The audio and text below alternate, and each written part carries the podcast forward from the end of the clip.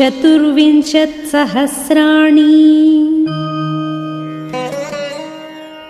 श्लोकानामुक्तवान् ऋषिः तथा सर्गशतान् पञ्च